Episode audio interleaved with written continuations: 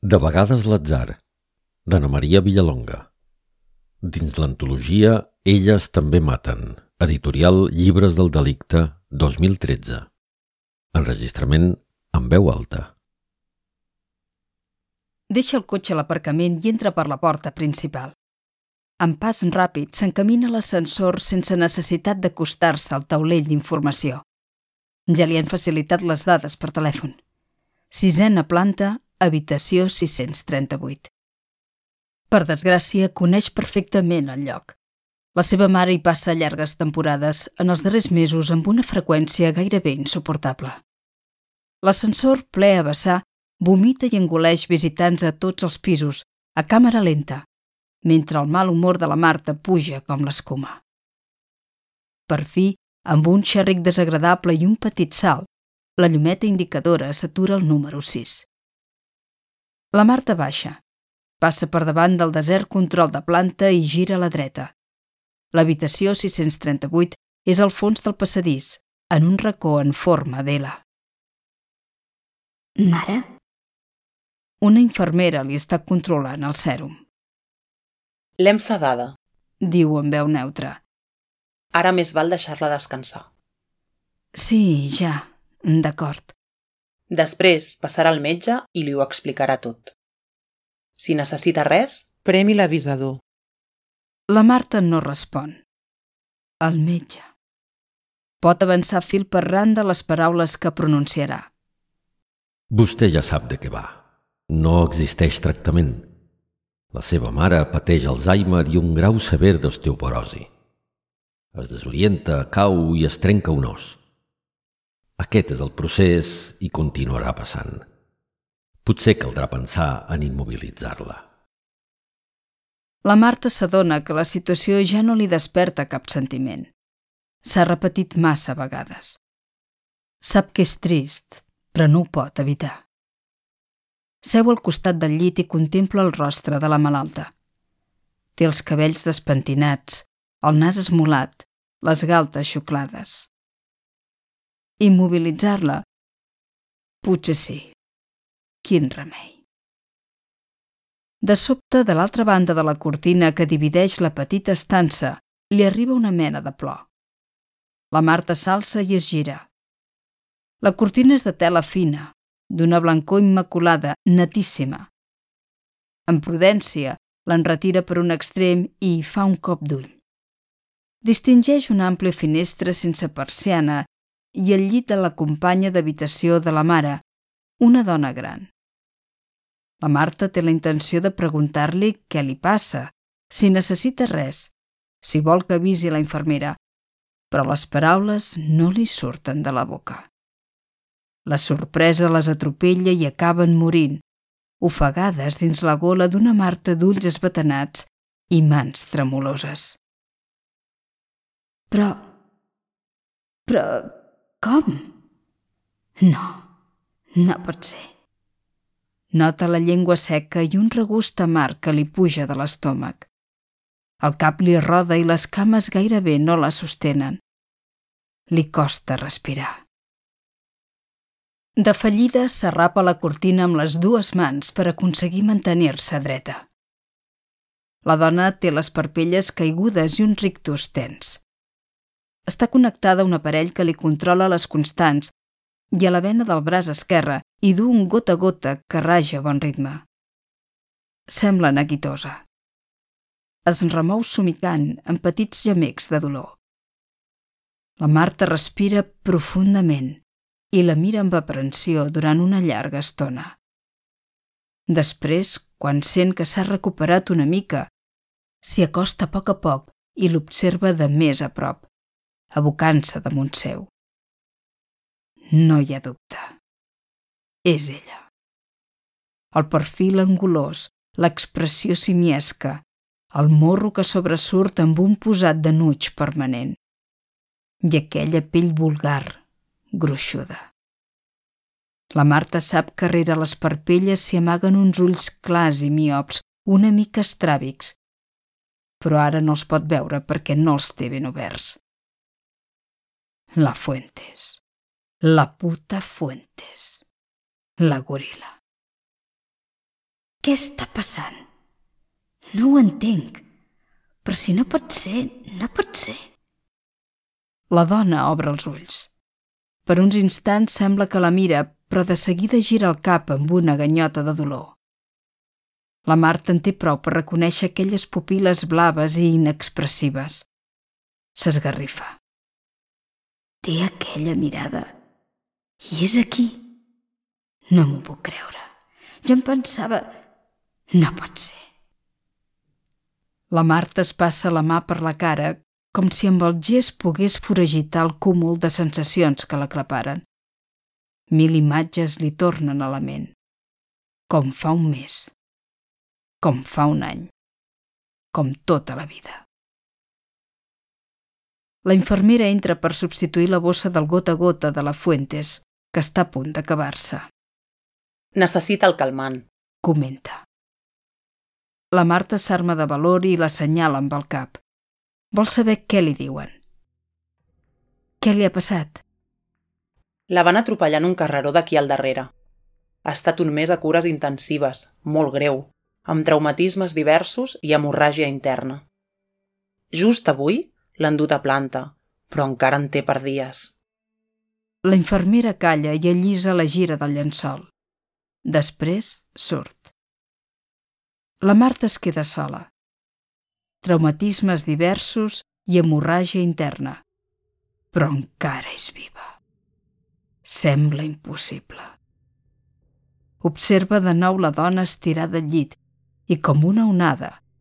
Els records l'atrapen amb traïdoria, bassegant-la, fent reaparèixer el sentiment de sempre, conegut, inalterat.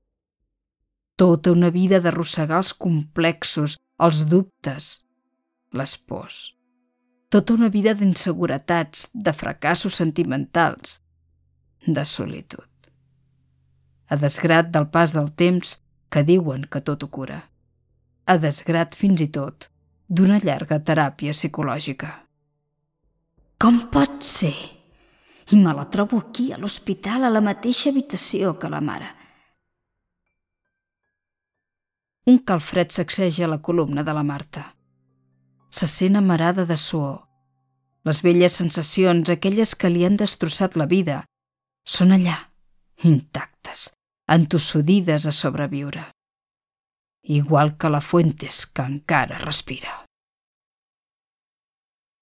La Marta va fins a la finestra i mira a través del vidre, però no repara en els cotxes que circulen ni en els núvols rogencs de finals de primavera.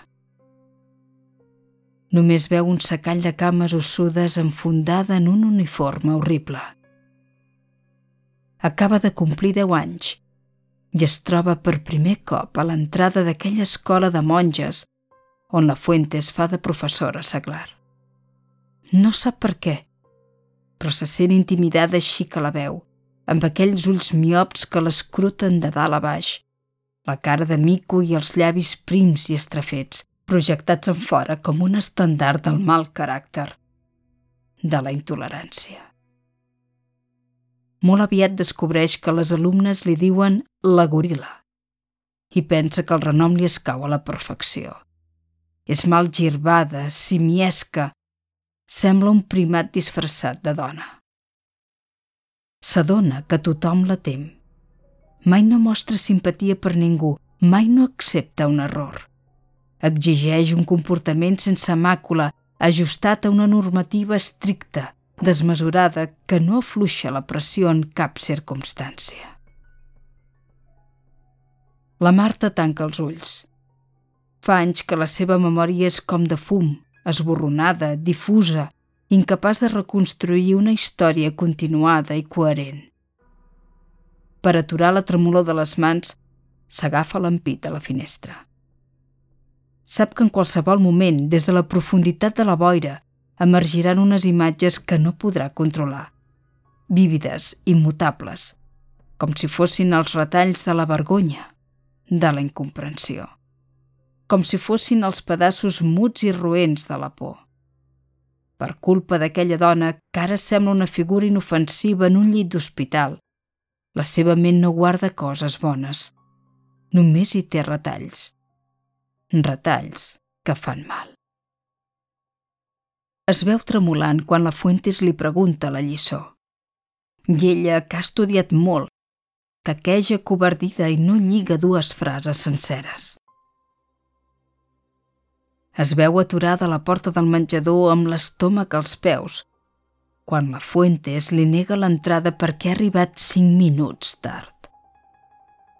Es veu morta de pànic a la vora de la piscina mentre la Fuentes, que actua de vigilant, l'escruta des de l'altra banda amb el seu pitjor rictus, el de menys preu. I ella, un mosquit insignificant perdut dins del vestit de bany vermell, balbuceja que li fa por l'aigua, que no s'hi vol tirar, que no li agraden les classes de natació i recorda les paraules seques com sentències. No serveixes per a res. Inútil. Mai no faràs res a la vida. La Marta intenta explicar-ho als pares, però no sap com fer-ho. Són altres temps. L'autoritat dels mestres no es qüestiona. A més, davant dels pares, la Fuentes es mostra educada, correcta. Jo només era una nena espantada, sense recursos, i tot semblava tan complicat, tan difícil. El pitjor retall sobresurt en la boira com la punta d'un iceberg. Aquell dilluns que la Marta arriba tard a classe per culpa d'una avaria del cotxe del pare. Té 12 anys, n'està segura. I és hivern, perquè fa molt de fred. La Fuentes no la deixa explicar-se, no li permet obrir la boca alça la vista del llibre que té entre les mans i li clava aquells ulls clars, miops, una mica estràbics. Aquells ulls gèlids de mona lletja. Veieu aquesta nena? Pronuncia lentament, posant un èmfasi exagerat en cada síl·laba i desviant la mirada cap a la resta de companyes. La veieu? Doncs és la inútil que no serveix per a res que mai no aconseguirà res a la vida. Si no és capaç d'arribar a l'hora, què voleu que faci? Res, ni per netejar culs de vells no servirà. La Marta, quieta davant la classe com un titella trencat, no pot aturar una llàgrima que molt a poc a poc li regalima galta avall. Després, sense comprendre què passa, sent entre les cuixes una estranya escalfor. Tenia tanta por, tanta por. La Fuentes no l'autoritza a canviar-se. Ho veieu, com tinc raó? A més d'inútil, porca. Doncs saps què, porca? Saps què et passarà? Que mai no trobaràs un home que t'estimi Quin home pot estimar una porca que es pixa al damunt? La fa seure i aguantar la mullena tot el matí. A la Marta la cara li crema de vergonya, però es nota les cames glaçades, entomides, enganxoses. De sota del pupitre li arriba la seva pròpia fator, una pudor acre que es fa més insuportable cada minut. Li sobrevé una arcada, té por de vomitar allà mateix. Les altres nenes no s'atreveixen a mirar-la. Amb el cap baix, s'afanyen a escriure, com si volguessin accelerar el pas del temps. Quan sona el timbre, la Marta fuig esperitada. A la cadira, una taca d'humitat groguenca. La Fuentes es queixa i es remou entre els llençols. Murmura alguna cosa, però és impossible entendre què diu. La Marta no l'escolta. Un únic pensament li colpeja el cervell. La incomprensió. L'interrogant que l'ha perseguit des de petita. No busquis un motiu. Li havia insistit la psicòloga. Els psicòpates no necessiten motius per actuar. Gaudeixen fent mal i prou. A més, es comportava igual amb les altres o només ho feia amb tu? A la Marta això no li importa. Sí, l'havia vist insultar altres nenes, però sempre havia pensat que amb ella era pitjor, molt més cruel. Potser perquè ella, amb aquella estranya percepció que només posseixen les bèsties i les criatures, de seguida va comprendre qui era. Quan la Fuentes la mirava, quan li clavava aquells ulls glaucs sense expressió, la Marta s'estremia com davant del diable. Mai no va poder enganyar-la. Mai. Dissimulaves molt bé quan et convenia. Però jo sempre vaig saber que estaves boja. Eres perillosa. Una boja perillosa que em va destruir. La Marta fa un esforç per tornar al present. S'allunya de la finestra amb la respiració agitada. La impecable cortina blanca parteix l'habitació en dos petits espais simètrics. No sap per què, però això la tranquil·litza. S'acosta al llit i torna a contemplar la des de molt a prop. Li observa les parpelles rebregades sobre els ulls miops, les galtes pàl·lides apergaminades i els llavis sense color, esvaïts. A la Marta li fa fàstic però se sent atrapada per una estranya fascinació. No pot deixar de mirar-la, d'examinar-la. La ràbia li puja a li omple la boca. Cada batec del seu cor es converteix en una alenada d'odi. D'odi enquistat, ressec, d'un odi que voldria escopir per sempre. La Fuentes porta un camisó d'hospital descolorit de tantes rentades. La Marta aparta una mica la tela i li passa un dit pel coll. Té un tos grogueït. És carn de vella, pensa. De vella dolenta. Prem el dit amb força contra la cara de la Fuentes i el dit hi deixa una empremta més clara que persisteix durant una estona fins que desapareix lentament diluïda en la groga lividesa de la pell. Com si el dit hagués posat en marxa algun mecanisme ocult, la Fuentes obre els ulls de sobte. Clars, miops, estràbics. La Marta fa un pas enrere, el cos en tensió, la visió ennubulada. Filla de puta, què hi fots aquí encara? La Marta s'allunya del llit sense apartar la vista d'aquells ulls. Es pregunta quantes vegades l'atzar, inesperadament, pot jugar a favor nostre. Molt poques, pensa. I riu una mica perquè comprèn que l'atzar és inesperat per naturalesa. Fa una ullada al voltant, però no troba el que busca. Als peus del llit de la mare hi ha la porta del bany. I entra. És minúscul, però tot està escèpticament net. Distingeix dos orinals penjats amb ganxos a la paret de rajoles i dues tovalloles blanques, molt ben plegades, a la vora de la pica.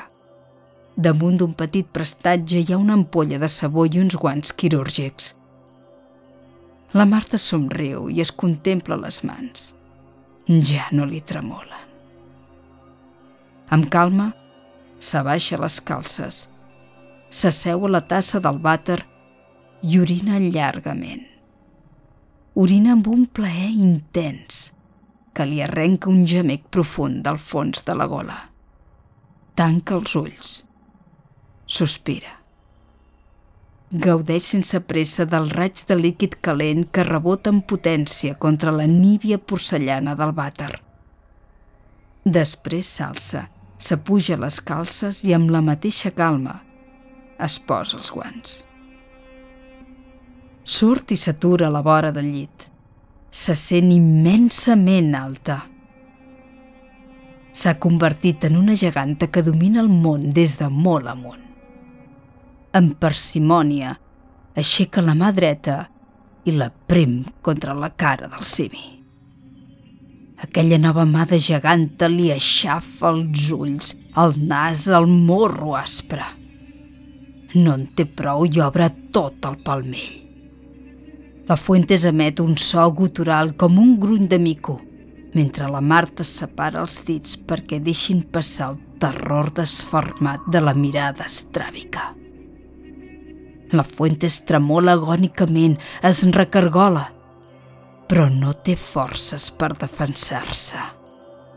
El làtex del guant rellisca i la Marta separa els dits encara una mica més. Els ulls de la Fuente s'han tornat negres. Són dos forats que la devoren, desorbitats, esparverats, incrèduls. La Marta no sap si l'ha reconegut, però no li importa. Tampoc no li va importar aquell cap vespre un mes enrere, mentre ferrava el volant amb els artells crispats en un carreró solitari.